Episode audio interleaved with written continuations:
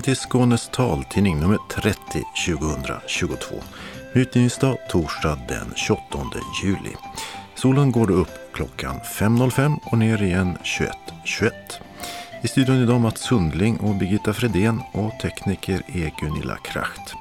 Medan det här är innehållet. Tage Johansson tog junior-VM-guld i synskadeschack. Coronaspridningen har mattats av, men har du hosta, huvudvärk och snuva är det förmodligen covid. Det är olyckligt att frihetsreformen färdtjänst håller på att urholkas och regionen bör arbeta för en synpedagogutbildning i Skåne. Det säger liberalen Christer Sörliden i vår intervjuserie inför valet. Industrimetallstjärnor erbjuder synskadade guidad tur. Yrket sitter i fingrarna. Månadens ansikte är Lars Gårdhagen som har en passion för linnekläder. Öppnat och stängt med burgare, kaffe och glass. Magi, opera och humor. Snart är Malmöfestivalen tillbaka och här är det syntolkade programmet. Vi har en annons om syntolkad teater. Evenemangstips med sand, skog och fisk. Och kalendern med patentstrid, mutskandal och protestsim. Anslagstavlan, gemensam för hela Skåne med meddelanden och ändringar i kollektivtrafiken. Och allra sist redaktionsrutan. Tage Johansson från Säter i Dalarna tog guld när junior-VM i schack för synskador avgjordes i Frankrike förra helgen. Den 20-årige Tage Johansson var topprankad inför turneringen, men förlorade första matchen mot Aksaxon Kim Samboyev från Uzbekistan. Men därefter vann han fyra matcher och fick remi i två, vilket alltså räckte till VM-guld. Tage Johansson vann också de svenska mästerskapen i synskadeschack i vintras. Så en uppdatering om coronaläget. Spridningen av covid-19 i Skåne har minskat något efter sommarens uppgång. De senaste siffrorna är 466 konstaterade sjukdomsfall på en vecka. En nedgång från 488 veckan innan. Det är fortfarande mer än tre gånger så många jämfört med i början av sommaren. Men ska förstås jämföras med de tiotusentals som blev sjuka i vintras. De nya varianterna av viruset är smittsamma men inte så farliga. Ingen har heller dött av covid på senare tid. Antalet inlagda på intensivvårdsavdelningar i Skåne har pendlat mellan en och tre. Många får nu så milda symptom att de inte behövt kontakta vården, vilket gör att mörkertalet också kan vara stort. Just nu är över 80 procent av alla positiva tester orsakade av omikronvarianten som kallas BA5. Ute i Europa har det kommit en ny variant kallad BA2,75 som ska vara mer smittsam än då. Men några fall av den har man ännu inte hittat i Sverige. Skåne var först med sommarens covid-uppgång, men är nu på en platå medan siffrorna går upp i andra delar av landet och i världen. Sjukvården och äldrevården har återinfört kravet på munskydd för personalen. Men några restriktioner i samhället som vi såg tidigare har det inte beslutats om. Och inte heller att vänta i höst. Det säger Smittskydd Skånes Eva Melander till tidningen Sydsvenskan. Smittspridningen i höst lär stiga enligt henne, men förhoppningsvis har så många då ett skydd av en mild sjukdom och en påfyllning av vaccin att det inte ska behövas. Fast hon lägger till brasklappen att nya virusvarianter förstås kan ändra läget som det gjort så många gånger tidigare. Eva Melander säger också i intervjun att den som just nu blir snuvig, får hosta, feber eller huvudvärk sannolikt har covid. Och ger samma råd som gällt sedan pandemins start. Det vill säga stanna hemma om du är sjuk och tvätta händerna. Rapporterade Mats Sundling. I vår serie intervjuer med regionpolitiker inför höstens val har turen idag kommit till Liberalerna. Partiet representeras av Christer Sörliden som idag är ordförande i sjukhusstyrelsen för Ystad lasarett. Men som tidigare mandatperioder varit både ordförande och vice ordförande i såväl handikappberedningen som habiliterings och hjälpmedelsnämnden där han drev igenom vårdvalet för hörapparater och audionommottagningar. Christer Sörliden skulle gärna se att byråkratin kring hjälpmedel förenklades. I de bästa världarna så tror jag att man skulle titta över lagen om offentlig upphandling. Där vi tvingas ju som region att gå in med upphandlingar på våra sortiment och då ska det skickas ut inbjudan eh, och så ska det öppnas och sen tar man ett beslut och därefter så blir det något företag som kanske eh, väljer att överklaga för att inte man har fått det eller inte har fått det men kanske inte riktigt till de premisserna som man önskar. Jag förstår ju grunden till varför den här lagen kommer till men, men samtidigt så den här säkerhetslagen sätter ju också käppar i hjulet. Man kan ju testa andra idéer. Eh, det är ju om man då går till vårdvalet för audionomer så har vi ju lite det här fritt val hjälpmedel där man dels kan han välja mellan att använda regionens upphandlade hörapparat men du kan ju också få en så kallad hörselcheck där du kan välja då lite mer ur det fria systemet. Det är ju möjligt att det skulle kanske vara en väg att gå för att minska byråkratin. Ja, du pratade ju om vårdval för hjälpmedel redan inför förra valet, men det har inte blivit så. Nej, vi har ju ambition att kunna införa det men, men, samtidigt så är vi inte tillräckligt starka utan vi är ju flera partier och i dialog med andra partier. Och också hur eh, majoriteten för de här frågorna just nu ser ut i regionen så har vi väl insett att där finns inte den majoriteten som krävs för att vi ska kunna fortsätta. Men jag är ju inte oäven till att eh, finns det ett behov och vi ser att det finns en annan typ av majoritet för att införa till exempel ett vårdval för hjälpmedel så tycker jag att vi ska fortsätta undersöka saken. En sak som har diskuterats den här mandatperioden är ju också hur personer med synnedsättning ska kunna få utbildning på smarta telefoner. Mm. Vem har ansvaret? Ja, men det har jag förstått och det är väl en av varför jag tycker det här är så intressant att förfölja verksamheten inom psykiatri, eh, habilitering, hjälpmedel är ju att eh, synmottagningen och synenheten inom habilitering och hjälpmedel har haft en väldigt bra dialog med SRF och man ser att man får ett utanförskap eh, just om man har en synnedsättning och framförallt kanske äldre med synnedsättning. Och där har man ju kommit fram till att eh, samverka mellan eh, regionen och eh, SRF, vilket jag tycker är bara bra. För jag tror att vi ska utgå från att eh, regionen har inte kunskap på allt och vi vet inte exakt hur allting ska göras. Men där har ju då organisation som SRF i det här fallet kanske den kunskapen och idé och så. Och då har man ju samverkat att SRF gör, genomför den grundutbildningen men eh, det är regionen som går in och stöttar med bidrag. Och det behövs ju i fortsättningen ha ett eh, bra samarbete med det civilsamhället eller den ideella sektorn så jag ser det bara det är bra för att samtidigt som SRF tar hand om de här delarna och kan anställa rätt personer för uppgiften så fortsätter ju regionen själva att eh, träna och, och hjälpa personer med synnedsättning på sådana här skärmförstoringsdelar och eh, vad heter voice over eller eh, talkback så att även man kan använda de apparna i telefon. Så det är ju samverkan, samarbete över gränserna och gränsen suddas ut. Och det är bara bra tycker jag. När jag satt i handikappberedningen eller centrala brukarråd för eh, personer med funktionsnedsättning, då jobbar vi mycket det här att bygga broar, att eh, få in brukarorganisationer mycket tidigare i processen, att ta vara på brukarorganisationernas oerhörda kunskap och engagemang i frågor och eh, att man också vet som en del av regionen att men den här brukarorganisationen finns och de kan detta och detta och varför inte ta hjälp av det istället för att vi ska uppfinna hjulet flera gånger. En annan fråga som är viktig inom habiliteringen är ju bristen på synpedagoger. Vad gör man åt det? Det är intressant. Jag har försökt titta på Dels är det ju här att eh, kan vi fortsätta vara attraktiv arbetsgivare? Attraktiva arbetsgivare är att man kanske som har en annan utbildning och jobbar på till exempel synenhet eller så, eh, men man vill göra en karriär kanske är fel, men vi kallar det för en karriärsteg i, när vi pratar. Men att man som person kan utvecklas och vidareutbilda sig och, och, och forska.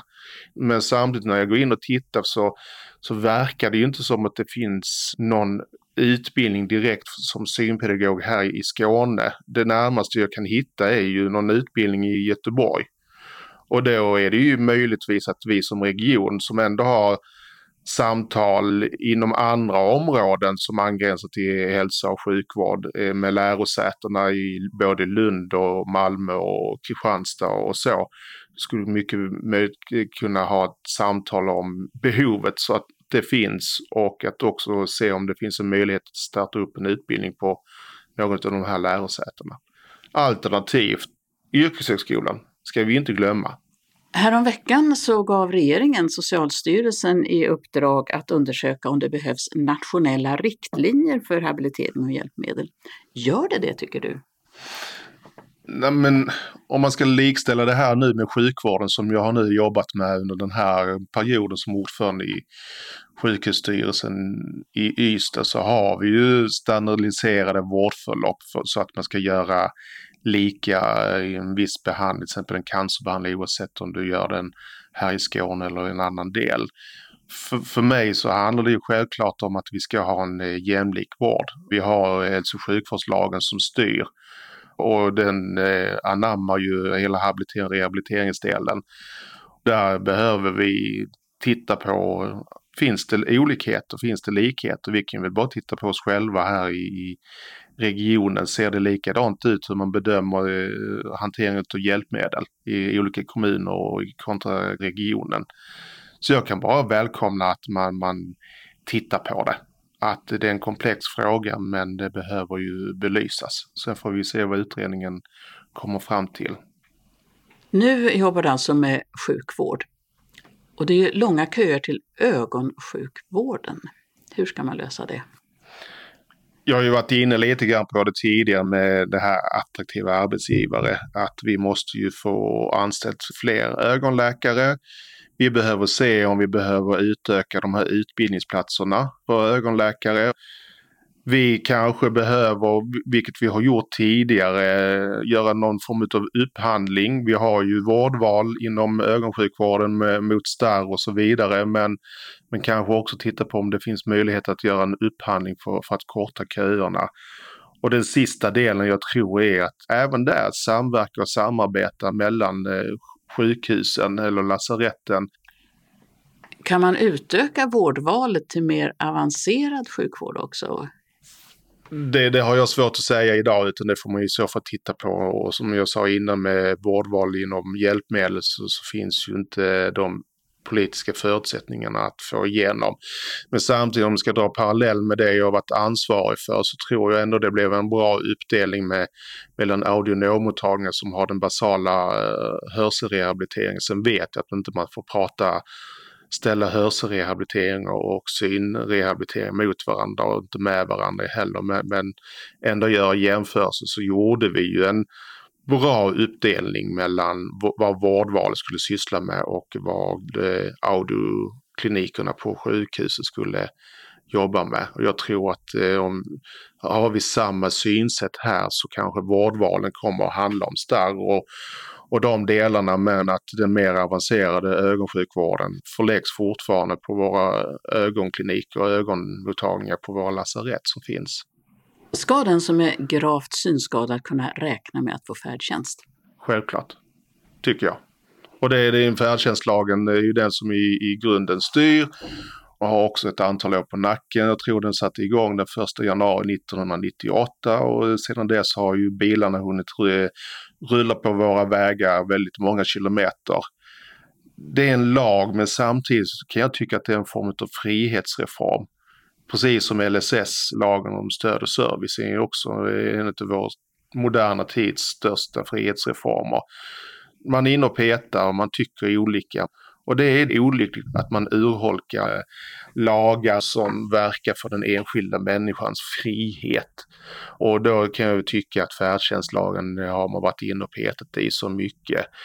Jag är glad och tacksam med att man i kollektivtrafiknämnden, som inte är mitt område alls, tog ändå beslutet att pausa alla de här besluten som skulle omprövas. Och samtidigt kanske det bästa av allt är att man har skrivit till regeringen och eh, eh, bett om att man gör en översyn kring eh, vad färdtjänst egentligen ska vara för någonting och eh, att man också kan modernisera även den. Men Självklart tycker jag att eh, personer med grav synnedsättning ska ha tillgång till, till färdtjänst som ett komplement till den kollektivtrafik som finns. Du säger komplement, men ska färdtjänsten vara något mer än just kollektivtrafik? Kan det vara en ersättning för bil, cykel? Egentligen om man tittar vad färdtjänstlagen skriver så skriver den att det ska vara ett komplement men sen explicit så talar den inte exakt om vilken form av eh, färdmedel som är det som eh, är gällande. Så att den är ju faktiskt inte så bestämmande eh, färdtjänstlagen så att den går in och tolkar exakt vilket färdmedel som ska användas. Så det, det är möjligt. Men i och med att samtidigt säger att det är ett komplement till nu gällande kollektivtrafik så i Skåne, vad jag vet, så är det ju bussar och tåg. Men rent konkret, om man bor någonstans där det faktiskt inte går buss, kan man få färdtjänst då om det är ett komplement till kollektivtrafiken? Återigen är det ju tillbaka till min frihetstanke och det, den grundar sig ju på liberalismen som är ju frihetsideologi. är att eh, man ska kunna arbeta och studera på andra ställen än just kanske där eh, en tåg eller buss eh, ansluter. Det är ju inte heller alla orter i Skåne som idag har en väl utbyggd kollektivtrafik. Så, så jag tycker visst att man ska kunna titta på att ha likhet med beställningstrafiken i den vanliga kollektivtrafiken. Skulle man kunna ha det som en beställningstrafik i färdtjänsten. Men om man vill ge sig på att åka kollektivt, om man vill försöka, är kollektivtrafiken tillgänglig så att det är möjligt? Väl både ja och nej. Man gör, har gjort en hel del handikappanpassningar men jag tror fortfarande att det skulle vara så, kallat enkla avhjälpta hinder skulle ju varit eh, fixade för, för 12 år sedan och jag kan fortfarande när jag är ute och går se att här finns mycket kvar att göra tyvärr. Men samtidigt så ser jag att man har eh, också anpassat på eh, busshållplatser så ska vara minska nivåskillnad mellan till exempel buss och plattform att gå in på. Jag vet att i en hel del eh, busskurer så finns knappar och man kan trycka så man får, får reda på nästa avgång och var man är någonstans. Så att, så att man har gjort en bit på vägen men jag tror att vi är inte färdiga. Och någonstans har jag funderat på det här tillgänglighetsgruppen som fanns mellan habilitering och hjälpmedel och eh, dåtidens fastighetsnämnd. Eh, den finns inte kvar men den var väldigt nyttig och då satt vi ju med både politiker, tjänstemän och inte minst representanter från brukarorganisationerna för att titta på vilka brister vi, vi hade i, inom regionen och man, man använder brukarorganisationer för att titta på hur man ska utforma nya sjukhusrum och andra saker. Vi måste kanske dit igen och ta vara på kunskapen som finns i till exempel hos SRF. Vad gör Region Skåne, eller vad ska Region Skåne göra för att fler personer med funktionsnedsättning ska kunna få jobb? Regionen är ju den största arbetsgivaren i länet. Återigen, när vi hade handikappberedning så var det ju jobbar vi med det funktionshinderpolitiska programmet och den finns ju visserligen kvar och har ju blivit en mer en människorättsdel eh, och i ett mycket större perspektiv med, med våra diskrimineringslagstiftningen och så. Men under den tiden så jobbar vi ju mycket med tillgänglighet och inte minst utifrån ett arbetsmarknadsperspektiv. Då kunde vi se att mycket handlade om en kunskapsbrist att man ville nog som kanske arbetsgivare anställa men man visste inte om man vågade. För ord, är detta jobbigt att ha en person med, med funktionsnedsättning? Är det mycket anpassningar som behöver göras och, och så? Men när man upptäckte och fick kunskapen om detta så upptäckte man att det här är inte så farligt och, och det var lättare än vad jag trodde. Och jag tror att vi måste tillbaka dit.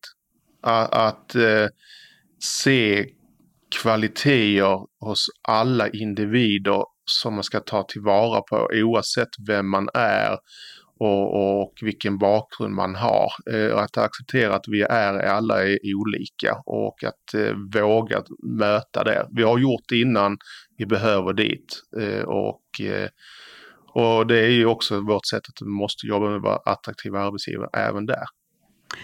Förr när man gick till syncentralen som det hette, Mm. synmottagningen Mm. nu, så kunde man vara säker på att möta någon som Mm. själv hade en synnedsättning. Så är det ju inte idag. Nej. Anledningen vet jag ju inte. När jag var ordförande så hade vi ju personer med synnedsättning och, och så som kunde också hjälpa till i den vanliga vardagen utifrån den kunskapen som han hon hade själv och, och erfarenhet och, och, och så. Vi har ju väldigt mycket legitimationsyrken inom regionen så man har ju förväntas nog ha en viss utbildning med sig i bagaget. Men sen därutöver eh, så måste man ju titta på helheten och, och inte titta på hindren och, och, och svårigheterna utan se möjligheterna. Det sa Christer Sörliden från Liberalerna och han intervjuades av Birgitta Fredén. Det tyska industrimetalbandet Rammstein har beslutat att öka tillgängligheten för gravt synskadade. Under den pågående Europaturnén med bland annat tre konserter på Ullevi i Göteborg nu i helgen inbjuder bandet alla konsertbesökare med en grav synnedsättning till en guidad tur på scenen bland instrument och mikrofonriggning. Guidningen görs innan showen börjar. Den som är intresserad får anmäla sig till e-postadressen community rammstein-management.de och skicka med biljettkopia och ett bevis på synnedsättningen. För några veckor sedan, den 1 juli, så öppnade Lars Gårdhagen en butik i Höganäs. Specialiserad på linnekläder, framförallt för män. Att det blev just i Höganäs berodde bland annat på att han sedan många år tillbaka har ögonsjukdomen RP och inte ville bo i en stor stad. Passionen för linne handlar om ett intresse för klädernas historia och den tid då linnekostymer var vanligt. Men vi börjar med att låta månadens ansikte i juli, alltså Lars Gårdhagen, visa en vägghylla med passande skor till en linnekostym.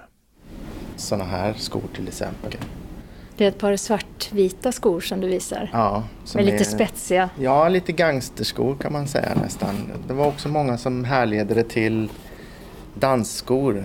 Nalen på 20-30-talet i Stockholm så dansar man med de här svartvita. De kallas spectators på engelska. För att man ska titta på dem eller? Jag tror det, att man, man sticker ut. Man vill synas lite extra kanske. Det var mer vanligt förr men det, det är ganska eh, populärt fortfarande. För de som vågar, de som är lite estradörer kanske vågar ta på sig ett par sådana.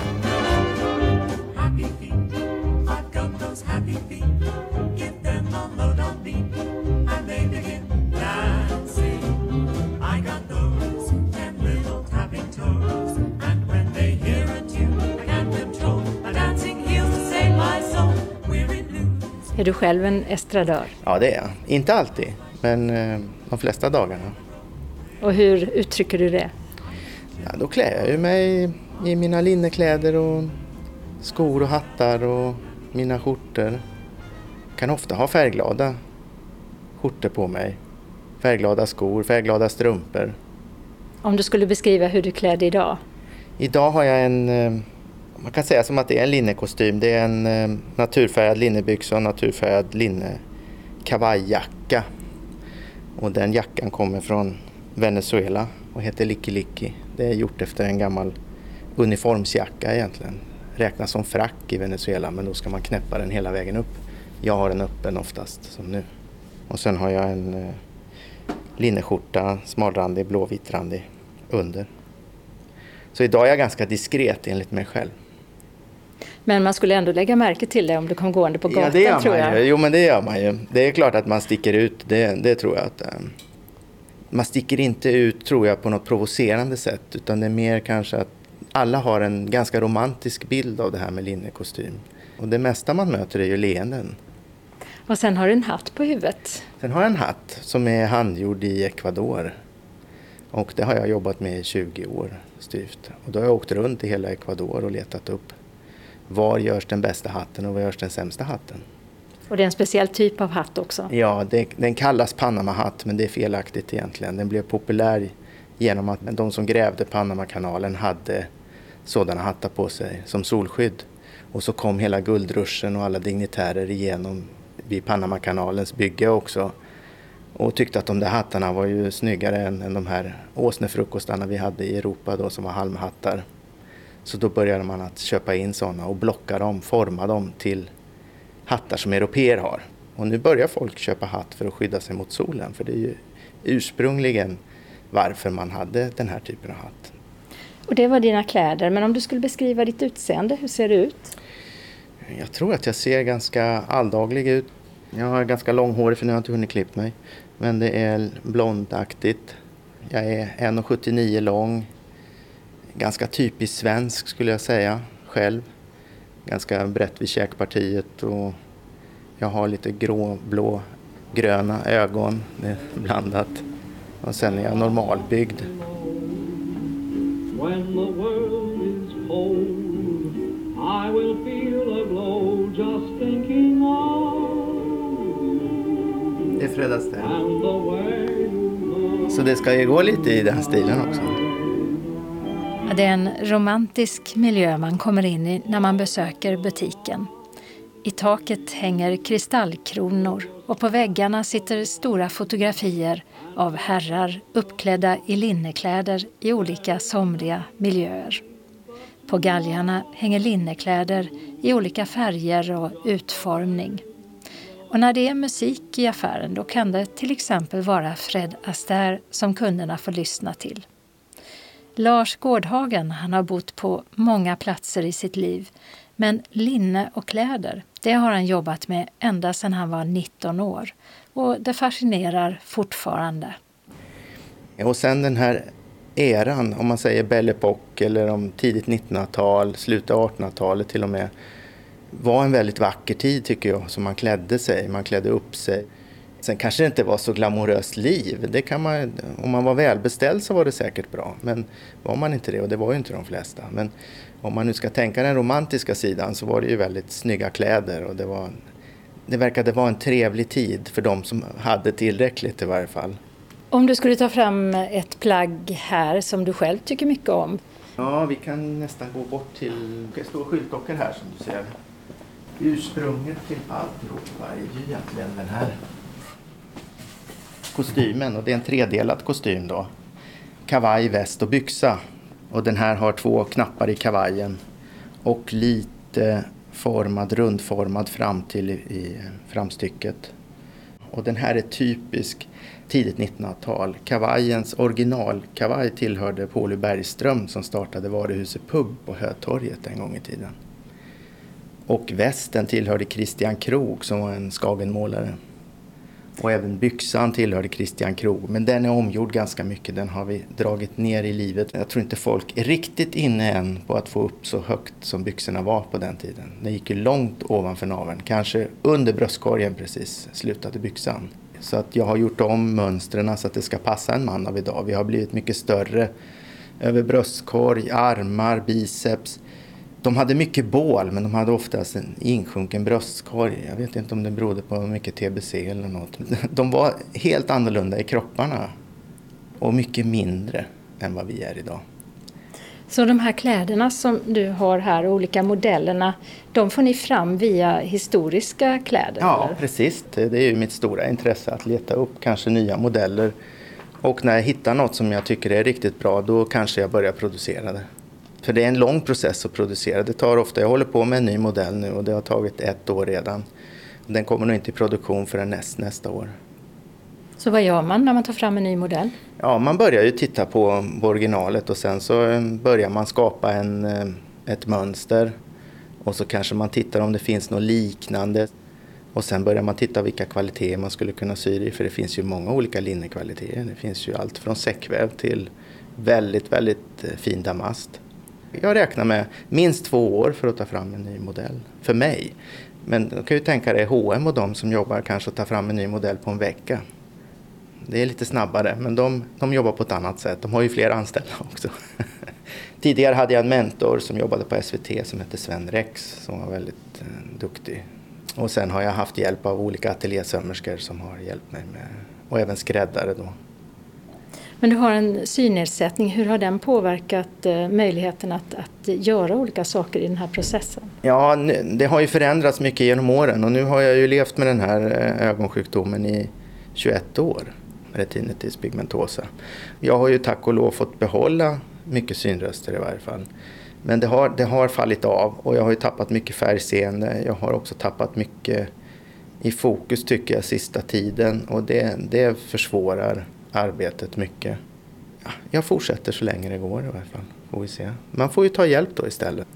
Men sen sa du att det är skillnad på kvaliteten och sådär. Och hur eh, har det påverkats på något sätt när du har fått sämre syn att eh, hitta bra kvalitet eller hitta vad som Nej, är bra och det tycker dåligt? jag är det minsta problemet för där sitter i fingrarna nästan mer än i synen. Där känner jag mycket på tyget hur, eh, vad det har för struktur och hur tungt det är och vad det har för täthet. Det kan man nästan känna bättre än se faktiskt. Så det är väl yrkeskunskapen som finns sedan 33 år. Har den blivit bättre i och med att du har fått sämre syn? Kanske känslan tycker jag nog har blivit bättre. Att man känner mer på, på tyget. Det som är problemet är ju att välja färger sen då kanske. Men, men själva kvaliteten tror jag att jag klarar nästan bättre idag. Kan du visa mig? Alltså bara skillnaden på två olika Ja. linnetyger. Jag ska se om jag har några. Dels har du skjorttygerna. De väger ju bara 130 gram per meter. Om du känner på ett sånt tyg så är det väldigt tunt. Mm. Och känner du på kavajtyget så är det lite, lite grövre. Och det kan man knappt tro att det är samma. Nej, det känns riktigt grovt. Mm. Väldigt tätt. Tätt, tätt, tätt. Det här är Okej. typiskt som man använde till kostym förr i tiden. Då jobbar man med gramvikter på 300 gram och uppåt. Den här väger 290. Och skjortan, vad väger den? 130 gram. Så den är mycket lättare då. Och linet var väldigt vanligt här uppåt i våra trakter. Det var ju bomullen som var ovanlig tills den kom på 1800-talet någon gång. Men att eh, du flyttade hit, hur kommer det sig?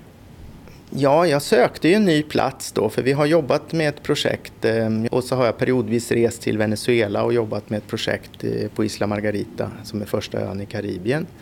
Då skulle jag bygga en butik och en skola och skulle försöka hjälpa ja, barn med funktionsnedsättningar var min, min tanke då. Men eh, det var nästan hopplöst tyvärr i dagsläget i varje fall. Det var för mycket korruption och det var för svårt att få tillstånd och sånt. Därav tänkte jag att nu får jag flytta hem till Sverige permanent. Då blev det Höganäs efter att ha vägt det mot andra kommuner. Men Höganäs var garanterat den som var trevligast, som svarade upp och men det fixar vi och vad trevligt, vilken rolig idé och välkommen och, och bra skolor det kollade jag upp också för mina barn. Då. Du har barn också. Jag har ett barn på nio år och ett på 15 år. Och sen har jag en äldre son, men han är 25 så han går inte att räkna som barn längre. Att eh, det blev Höganäs, det hade också på något sätt med din eh, synnedsättning att göra? Ja, det har det för att eh, jag vill inte bo i stora städer. Jag tycker bättre om en lite mindre stad där man logistiskt sett kan klara sig bättre. Jag, jag klarar mig ganska bra med mina synrester inom kända miljöer. Och då har ju tanken att jag inte ska behöva ha bil, ska kunna gå, mina döttrar ska kunna gå till skolan, komma hit och gå hem. Så jag bor bara 100 meter härifrån. Man skapar ju en egen liten värld någonstans och sen kan man ge sig ut i den stora världen då och då med assistans. Jag reser ju mycket med assistans för jag reser fortfarande i produktionsresor och sånt men jag måste ju alltid ha assistans. Men du sa tidigare att du ville bygga upp någonting för barn med funktionsnedsättning i Venezuela. Eh, Hur kommer det sig att du ville göra det? Min fru är från Venezuela och eh, vi har ju rest dit eh, under 11 år som jag har känt henne. Och man har ju märkt att det, det finns mycket fattigdom och det finns många barn som, som inte får den möjligheten och då tänker jag att synskador och sånt, det finns ju inte den typen av hjälpmedel, man får inte den typen av stöd. Så idén var ju inte något storskaligt, men att börja någonstans. För jag vet ju att det finns mycket hjälpmedel som kanske blir för gamla här, som man kanske till och med kan skänka. Eh, jag tror det i varje fall, att det finns massor sånt som kan... Det tänkte jag jobba med i sådana fall och även ta ner pedagoger, men allting skulle ju vara ideellt. Ingen skulle få tjäna pengar på det här, utan det skulle gå in i verksamheten alltihopa. I början var det väldigt positivt med politikerna men sen eh, tyckte jag att det avtog och sen blev det val och sen eh, blev det nya politiker. Och det, det är ett svårt land byråkratiskt att arbeta i. Det är väl mest det som har rört till det. Men vi har mark eh, som vi har på plats så att det, det kan bli i framtiden i varje fall. Men det får ändra sig regimen då i sådana fall. Hur kändes det att lägga ner den här tanken som du hade och jobbade för? Nej, det var svårt. Det tyckte man var jobbigt. Men eh, det är ju inte sista ordet sagt ännu. Du hoppas fortfarande? Ja, jag tror det. När det vänder där borta så tror jag att man kan lösa det på något sätt och få ett, ett samarbete kanske också, att man kan få synskadade och åka till den ön. Om det, förr gick det ju direktflyg till Isla Margarita. Det är en fantastisk ö. Oexploaterad och man, man skulle mycket väl kunna ordna resor för synskadade och komma dit också. Det är väldigt mycket dofter, lukter, sinnesintryck som är helt fantastiska jämfört med här. Vad betyder det att resa för dig? Väldigt mycket. Det har alltid varit en... Jag är nog mer som en ren än en människa. Jag gillar att resa. Man behöver ju inte flacka runt på så många ställen. Man reser till en plats och sen kan man få väldigt mycket intryck bara av att vara där. Sitta still till och med så kan man lyssna på, på ljud och uppleva saker som man inte gjorde förut när man sprang på allting. Jag eh, fick ju den här mm, synnedsättningen ganska starkt då efter 2001 men sen har det stabiliserat sig tycker jag. Det började med att jag åkte in i en tunnel och det blev svart i fem sekunder så i 100 kilometer i timmen så var det ganska jobbigt. Och det var anledningen till att jag gick till ögonläkaren och eh, och i samma veva fick jag in en kirrskena i ögat för jag satte upp en gardinstång. Och då fick jag åka upp till akuten på Södersjukhuset. Så det gick två parallellt så gjorde de en diagnos och det, jag fick samma på båda. Så det var RP. Och det är på min mors sida, det kommer från min mamma. Var du lite förberedd på det i och med att det fanns i släkten? Vi visste inte det. Det, det fanns ju att eh, troligtvis hade mormor det men alltså, hon såg sämre och sämre. Men mödrarna kan ju också bära på det utan att utveckla det så starkt. Så det, jag var inte förberedd. Det var en ganska stor eh, chock. Så då hade jag vid den tiden fem butiker i Stockholm som sålde linnetyger och linnekläder och linnedukar och linne, allt i lin. Och jag hade ju planer på att göra den till en kedja. Och, men i och med att det där kom så la jag allt på is och sålde av allt och flyttade till Söderköping.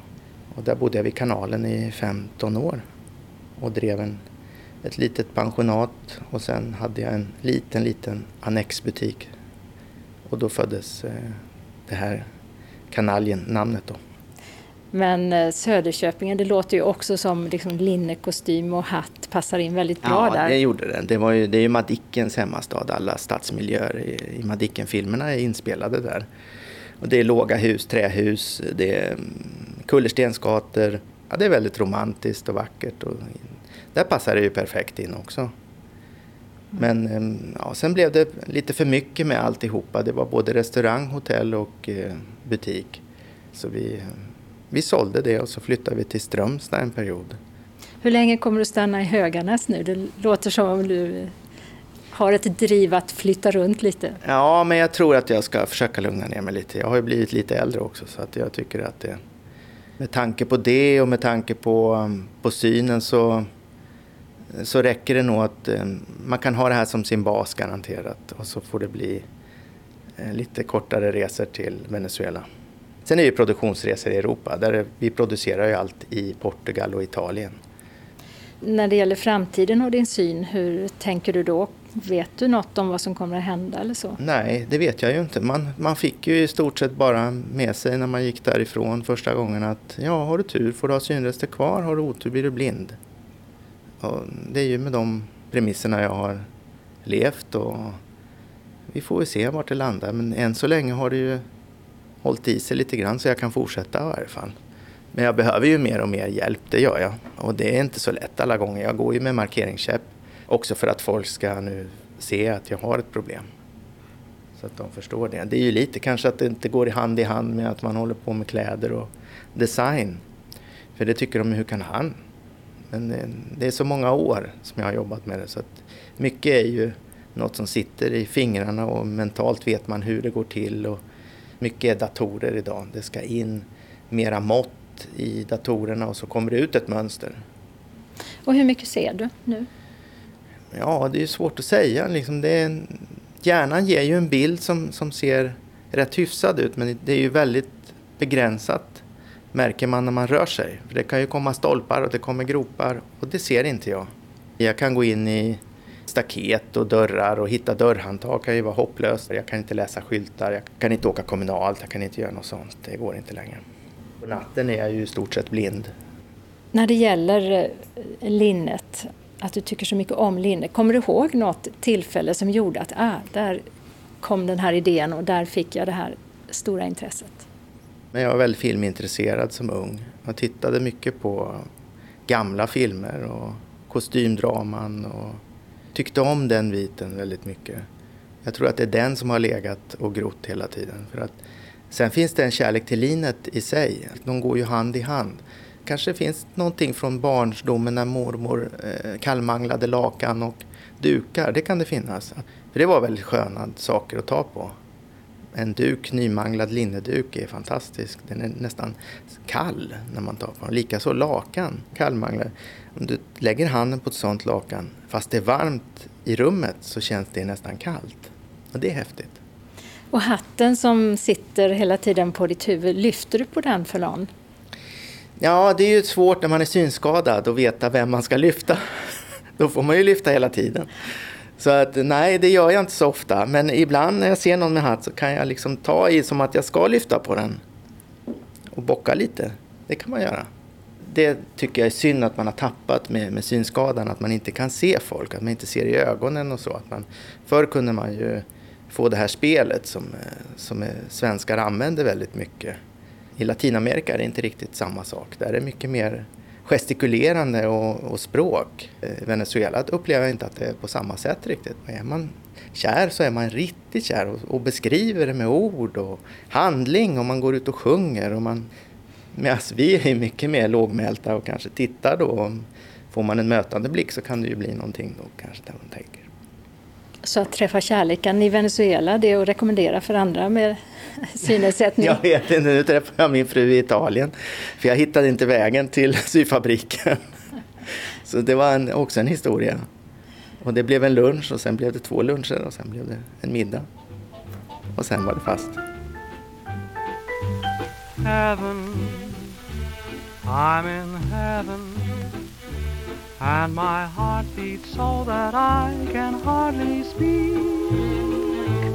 And I seem to find the happiness I seek when we're out together dancing cheek to cheek.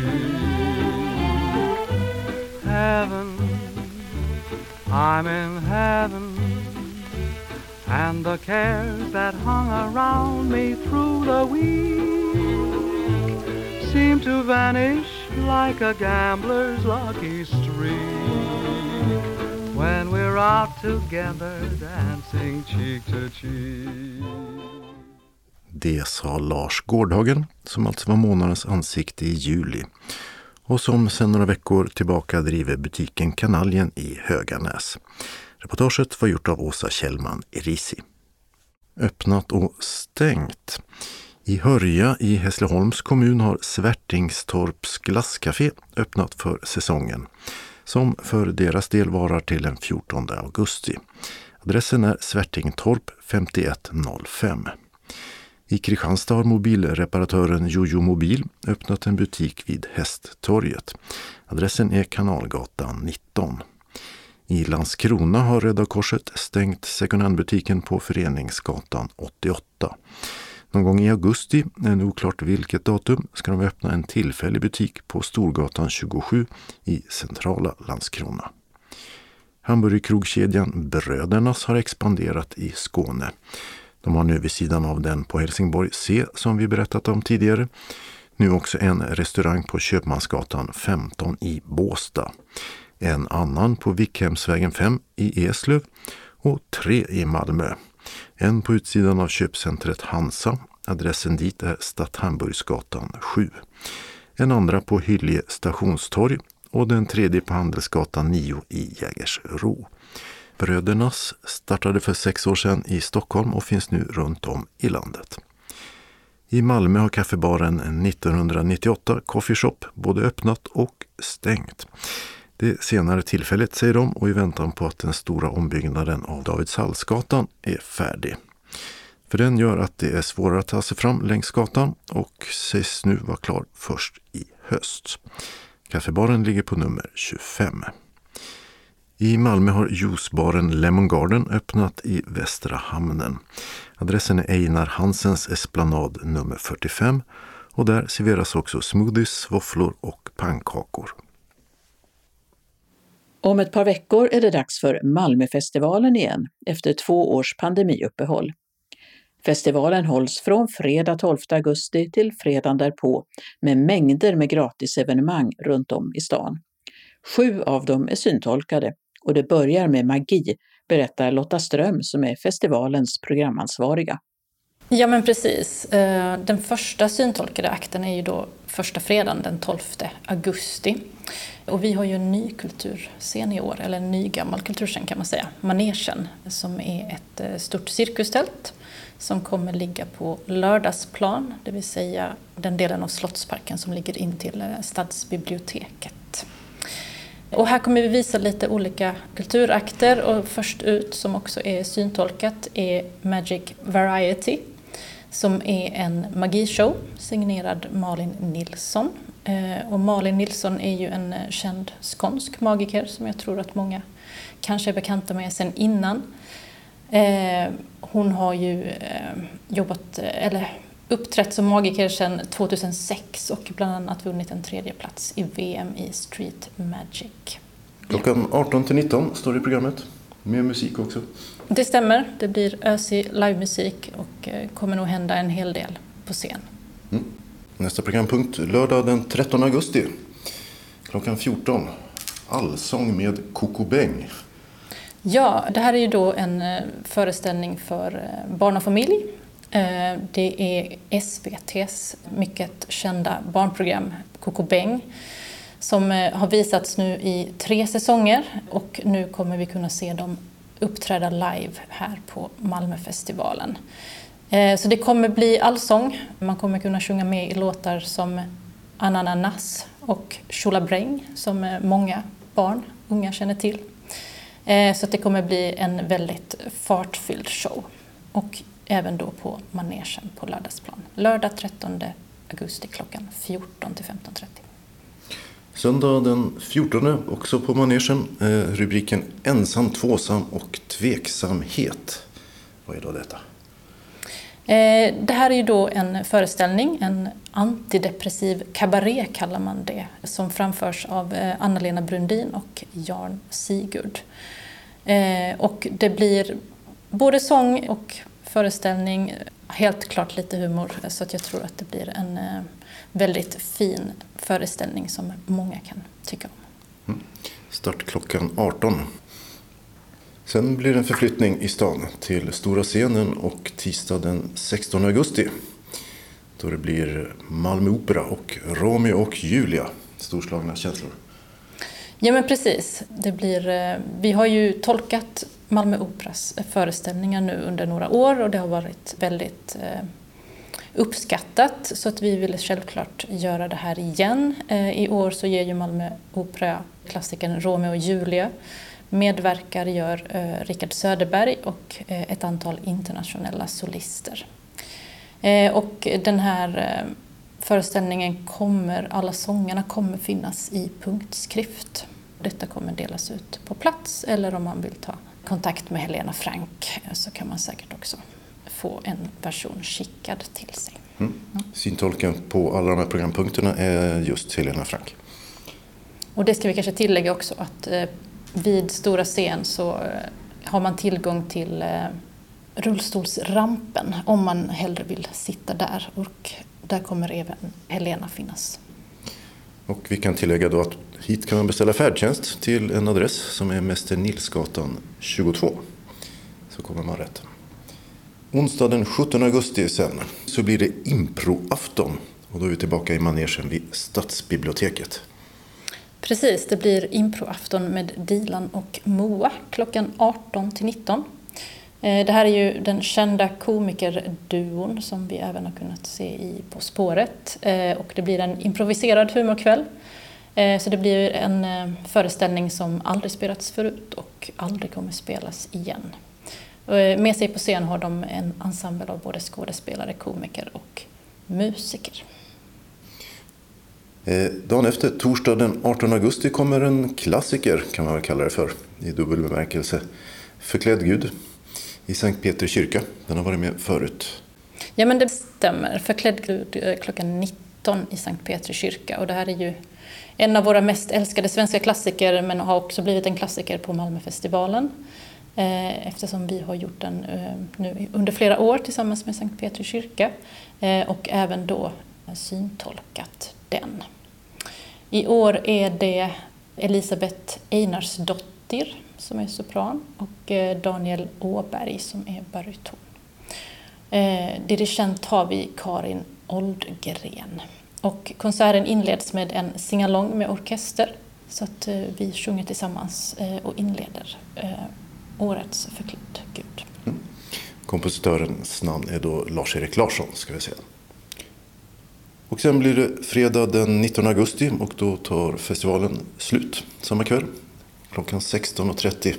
Sjömat. Vad handlar det om då? Ja, men vi har eh, på gatuscenen på Gustav Adolfs torg har vi tema hållbarhet i år där vi pratar eh, hållbarhet ur alla dess aspekter och så även mat. Eh, Sjömat med Sandra Mastio är en programpunkt där Sandra tillsammans med Blomat från Göteborg tittar närmare på vad det är för mat eh, vi kan hitta i våra svenska vatten och också då ur ett hållbarhetsperspektiv.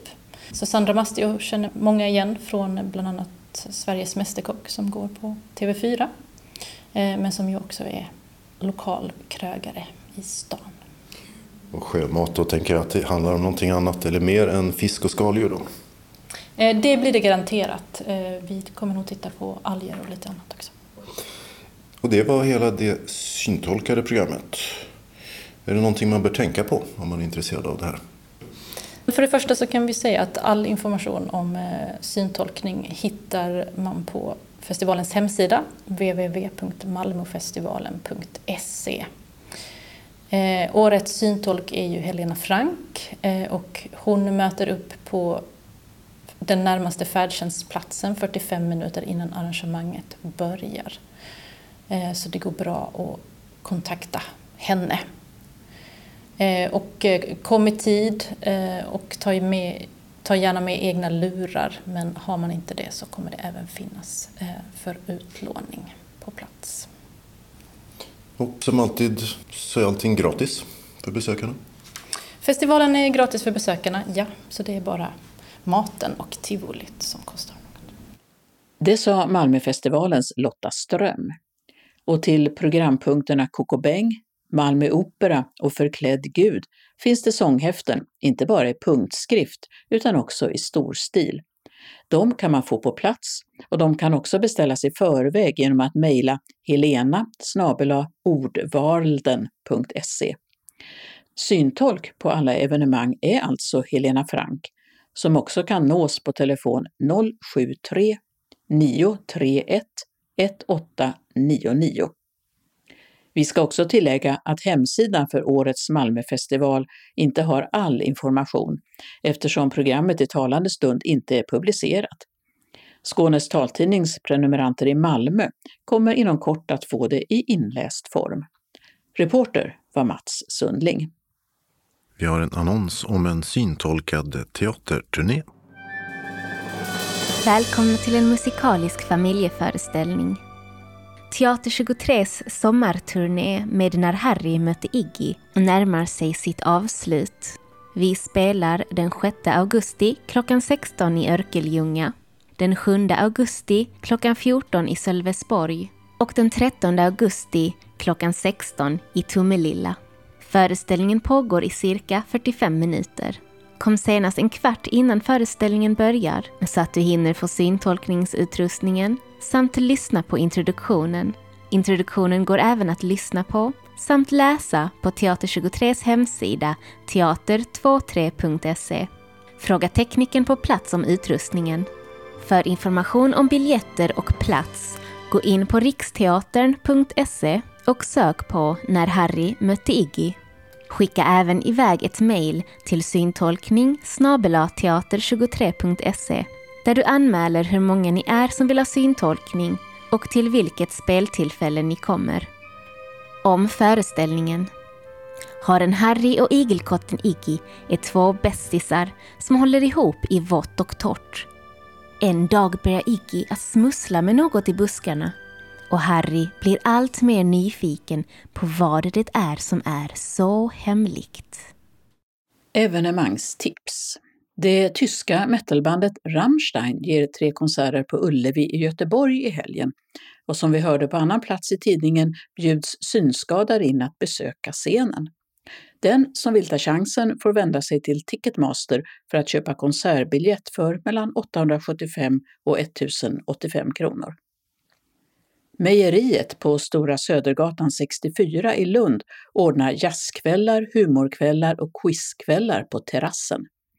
Närmast är det jazzkväll på fredag den 29 juli med svensk-danska sångerskan Kira Martini som förutom jazz och svensk folkmusik även sjunger brasiliansk musik. Fredagen den 5 augusti kommer trion Post Sun Vision tillsammans med sopransaxofonisten Carolina Almgren och sista jazzkonserten för sommaren är den 12 augusti med Landeus Trio och Lisen Rylander Löve. Alla konserterna börjar klockan 20 och biljetter säljs av Tixter för 120 kronor, 95 för studenter. Man sitter utomhus under parasoll eller segeltak och konserten flyttar inte inomhus även om det blir ösregn. Istället rekommenderas regnkläder.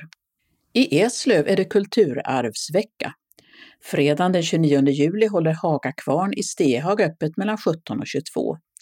Lördagen den 30 juli är det öppet i Gamlegårds hembygdsmuseum i Billinge mellan 13 och 16.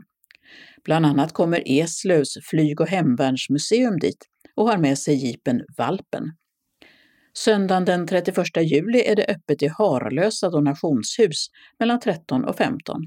Det blir bland annat brödbak. Alla kulturaktiviteterna har fritt inträde. Vitaby lanthandel på Sankt Olofsvägen 1 är ny konsertarrangör för året. Två konserter återstår för sommaren. Albin Lee Meldau lördagen den 30 juli och Melissa Horn lördagen den 6 augusti. Båda gångerna med start klockan 19. Nortic säljer biljetter för 625 kronor. Konserterna äger rum på innergården under bar himmel. Paraplyer är inte tillåtna utan regnkläder gäller vid dåligt väder. Restaurang Bjärred station på Södra Västkustvägen 23 i just Bjärred arrangerar också utomhuskonserter i sommar.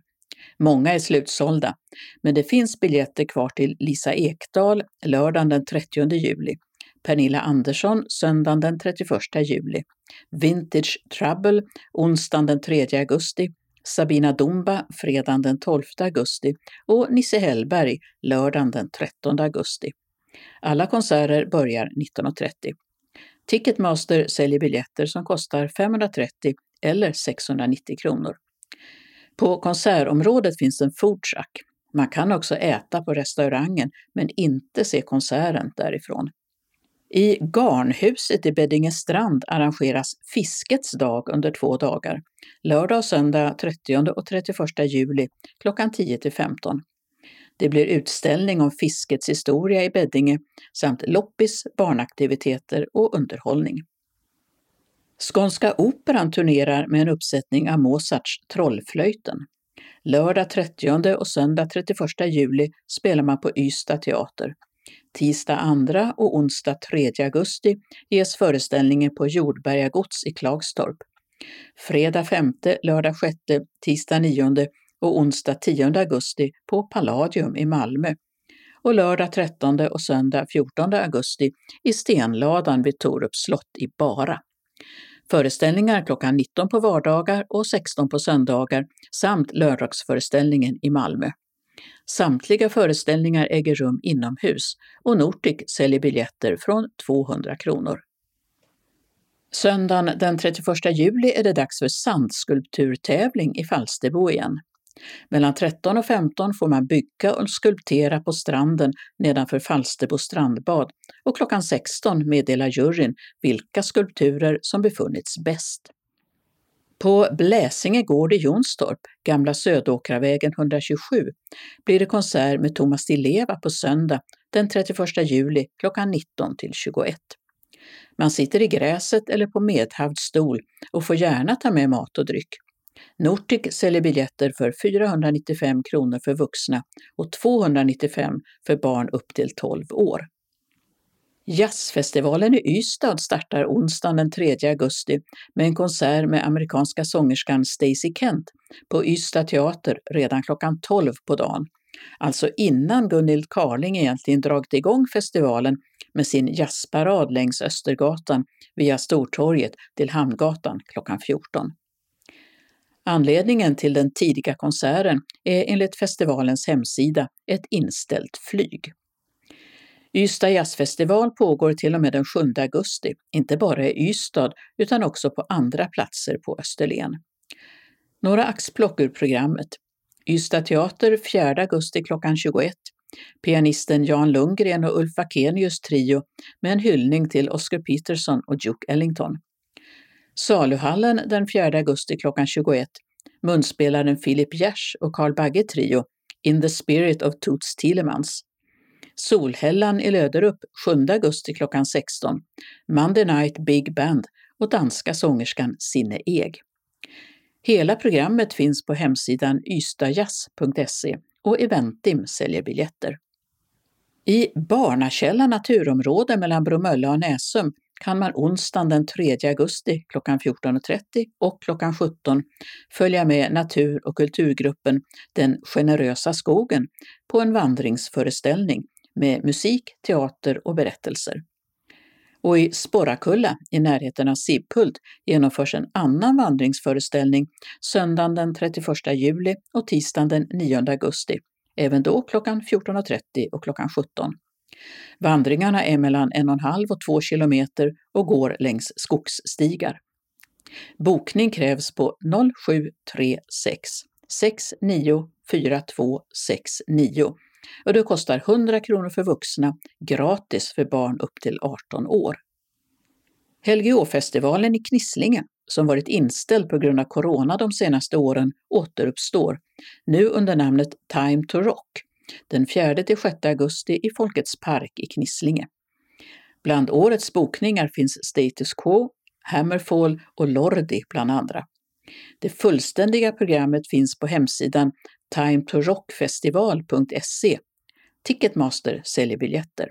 1655 kronor för en tredagarsbiljett och 845 kronor för en dag. Fredagen den 5 augusti blir det musik på Stortorget i Hässleholm. Klockan 18.30 spelar Tennessee Drifters och 20.30 Danne Stråhed och Dynamo Band. Det är fri entré. Söndagen den 7 augusti klockan 15 till 16.30 är det premiär på årets Heagårdsspel på Heagården i Munkarljungby. Föreställningen, den 27 i ordningen, heter Jöns jagar giljare och utspelar sig 1791. Den ges också fredagen den 12 augusti klockan 19 till 20.30 och lördagen den 13 augusti klockan 14 till 15.30. Det är gratis inträde, men bokning ska ske på telefon 0431 430035 eller 0723 170 304. Biljettinformation Tixter 0771 47 7070 Eventim 0771 65 100 00.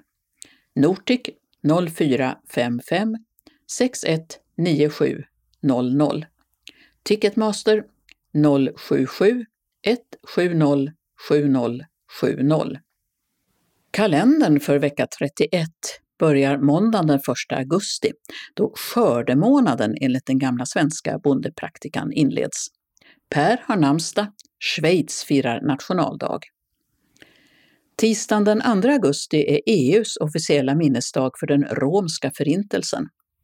Det var detta datum 1944 som nazisterna likviderade det så kallade zigenarlägret i Auschwitz-Birkenau genom att deportera drygt 1400 romer till Buchenwald och gasa ihjäl övriga 2900 i lägret. För hundra år sedan avled Alexander Graham Bell som fått äran av att ha uppfunnit telefonen. Men redan 20 år innan Bell lämnade in sin patentansökan hade italienaren Antonio Meucci tagit fram en fungerande telefon, men han hade inte råd att patentsöka den. Bells patent upphörde 1993 och för 20 år sedan beslutade den amerikanska kongressen att erkänna Meucci som telefonens uppfinnare. Kanadas parlament Bell var skotsk-kanadensare, utfärdade då en motresolution som erkände Bell som telefonens uppfinnare. Och förutom telefonen har dövläraren Bell gått till historien genom att måttenheten decibel är uppkallad efter honom. Den chilenska författaren Isabel Allende fyller 80 år. En sökning i Legimus ger 59 träffar, punktböcker och talböcker på såväl svenska som spanska.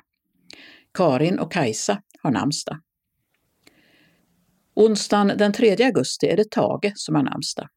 Det har gått 530 år sedan Kristoffer Columbus avseglade från Sevilla i Spanien för att hitta sjövägen till Indien.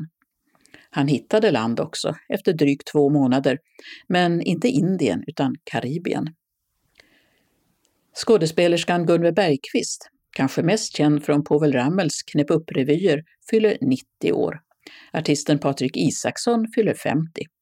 Torsdagen den 4 augusti skulle den svenske diplomaten Raoul Wallenberg ha fyllt 110 år.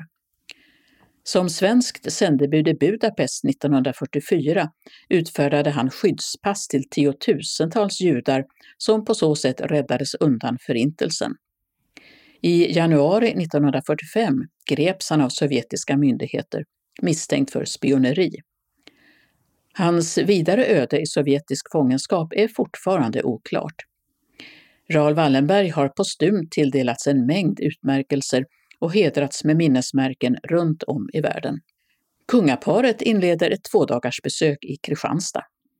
Idag ska man hälsa på på Gårdsfisk som odlar fisk i bassänger på land. Skådespelerskan Kajsa Ernst fyller 60 år. 2004 fick hon en Guldbagge för bästa kvinnliga biroll i filmen Masjävlar.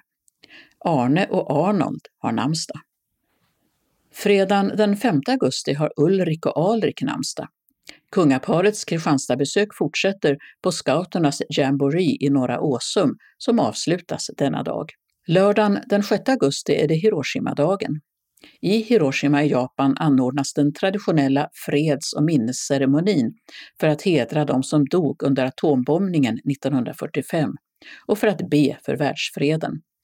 Freds och minnesceremonin har genomförts varje år i 75 år. För 90 år sedan tvingades den svenske statsministern Carl Gustav Ekman från Frisinnade Folkpartiet att avgå sedan det bevisats att han ett halvår tidigare tagit emot 50 000 kronor från tändstickskungen Ivar Kryger. Det var en månad kvar till riksdagsvalet och efterträdaren Felix Hamrin fick bara inneha statsministerposten i 50 dagar innan socialdemokraten Per Albin Hansson efter valsegern kunde bilda sin första regering. Skådespelerskan Inga Langré fyller 95 år. Hon har medverkat i otaliga film och tv-produktioner och var på 1950-talet gift med Nils Poppe. Den brittiska artisten Jerry Halliwell, känd som Ginger Spice i gruppen Spice Girls, fyller 50 år och Alfons och Ines har namnsdag. Söndagen den 7 augusti tillbringar vi i Stilla havet. För 80 år sedan landsteg amerikanska trupper på de av Japan ockuperade Salomonöarna i södra Stilla havet och slaget om Guadalcanal inleddes. Striderna pågick ett halvår innan de allierade segrade. En aning längre söderut i Stilla havet gick balsaflotten Kontiki för 75 år sedan på grund på ön Raroia och den norske upptäcktsresanden Tor Heyerdahl, som startat seglatsen från Peru 101 dagar och 7000 kilometer tidigare, ansåg det nu bevisat att öarna i Söderhavet befolkats från just Sydamerika. Slutsatsen är dock omtvistad. Betydligt längre norrut i Stilla havet simmade amerikanska Lynn Cox 1987 över Beringsund mellan Alaska och Kamtjatka.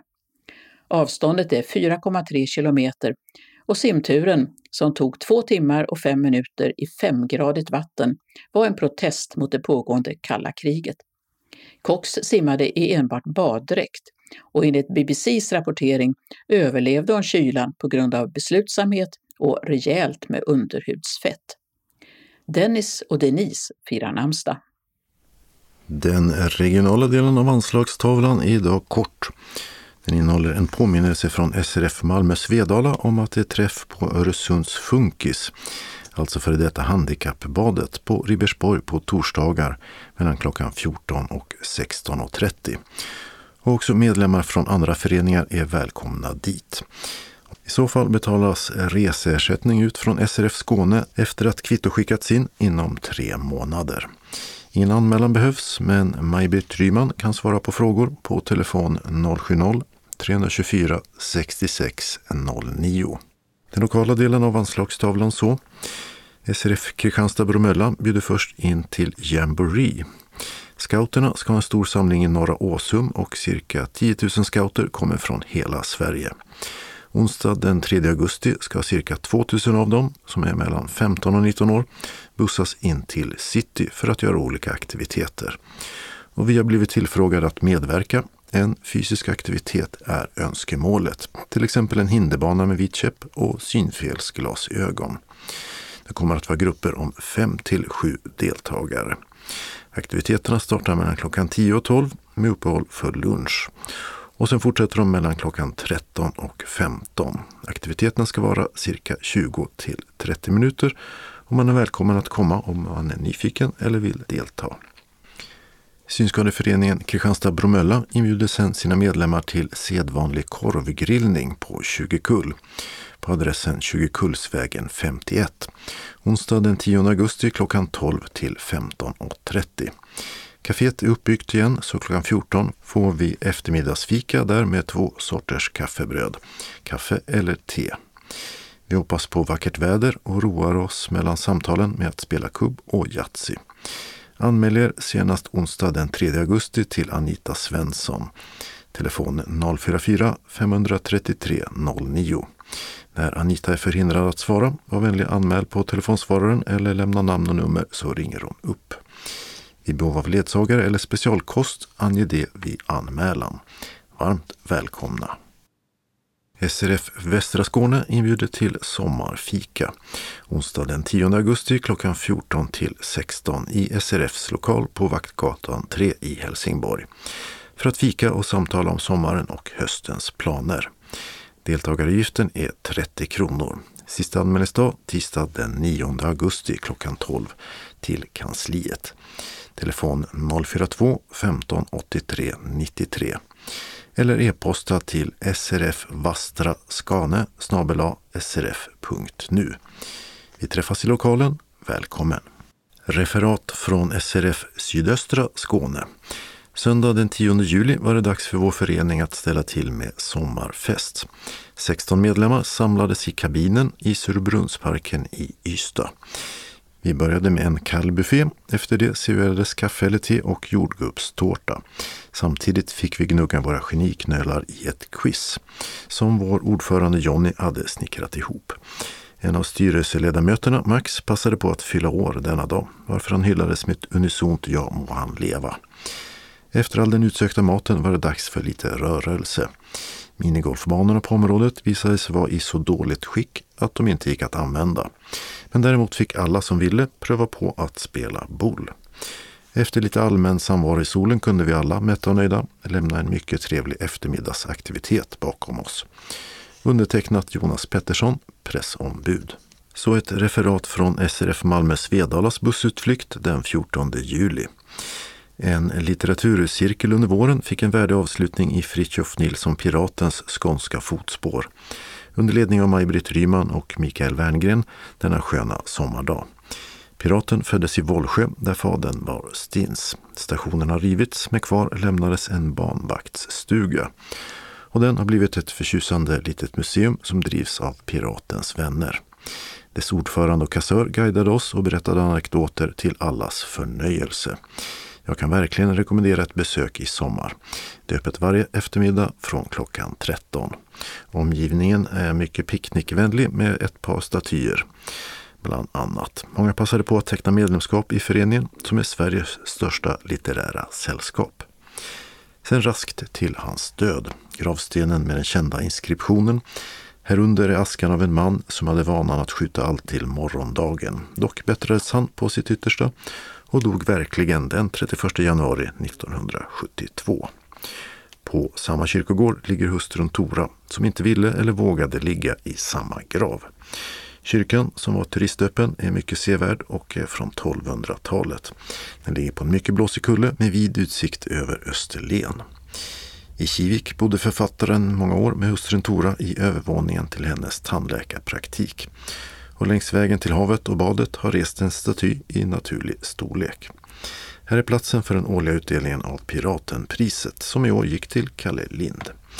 Och så var det måltidsminnet. En synnerligen mättande äggakaka med massor av fläsk på kulinariska Brösarp Gästis höll hungern i schack hela dagen. Men vi fick även en kall kafferast på Sjöbo Gästis på hemvägen. En synnerligen angenäm och lärorik dag. Tack SRFs funktionärer, undertecknat Lars-Erik C. Vi avslutar med några tillfälliga ändringar i kollektivtrafiken. Tågen först. Det ska underhållsarbetas mellan Lund och Helsingborg på kvällar och nätter mellan den 31 juli och 4 augusti från klockan 21.25 på kvällen till 3.25 på morgonen. Söndag den 31 juli, onsdag den 3 augusti och torsdag den 4 kör Pågatågen på annan bana och stannar då inte i Eslöv och Marieholm. Måndag den 1 augusti och tisdag den 2 stannar de inte under de där tiderna i Eslöv, Marieholm, Teckomatorp, Billeberga, Tågarp, Vallåkra och Gantofta. Men de gör extra uppehåll i Kävlinge och Landskrona. Bussar ersätter tågen. I Malmö har en del av arbetet på rondellen mellan Videdalsvägen och Hohögsgatan, som vi berättat om tidigare, blivit försenat. Och ett nytt besked det är att Stadsbuss 84 nu stannar på sina ordinarie hållplatser igen med undantag för hållplatsen Dalvik som tas bort. Och linje 31 stannar nu på hållplatsen Videdal igen men på de nya lägena C och D som ligger på Videdalsvägen. Resten av förändringarna sägs som tidigare gälla till den 30 september klockan 15. I Malmö hålls det stora dansfestevenemanget Big Slap nästa helg, vilket stänger av området norr om Centralen för trafik från den 5 augusti klockan 4 till den 7 augusti klockan 7. Regionbuss 150 hållplats Malmö C norra stängs, liksom hållplatsen Orkanen med hänvisning till en tillfällig stolpe på Anna Linds plats och stadsbusslinjerna 31 och 32 hållplatser Malmö C norra och Frihamnen ersätts av Malmö Cs stora hållplats på Centralplan.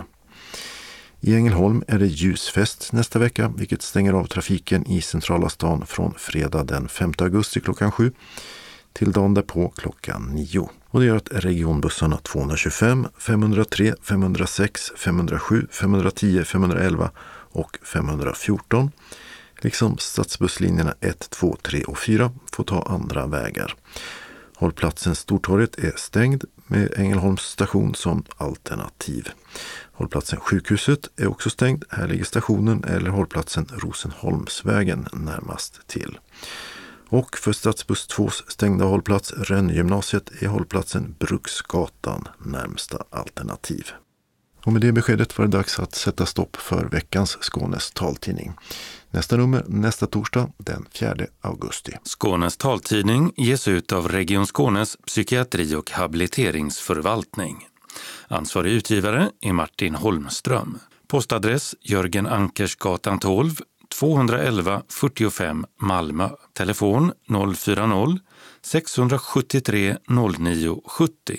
E-post Skanes taltidning snabela skane.se och hemsida skanestaltidning.se.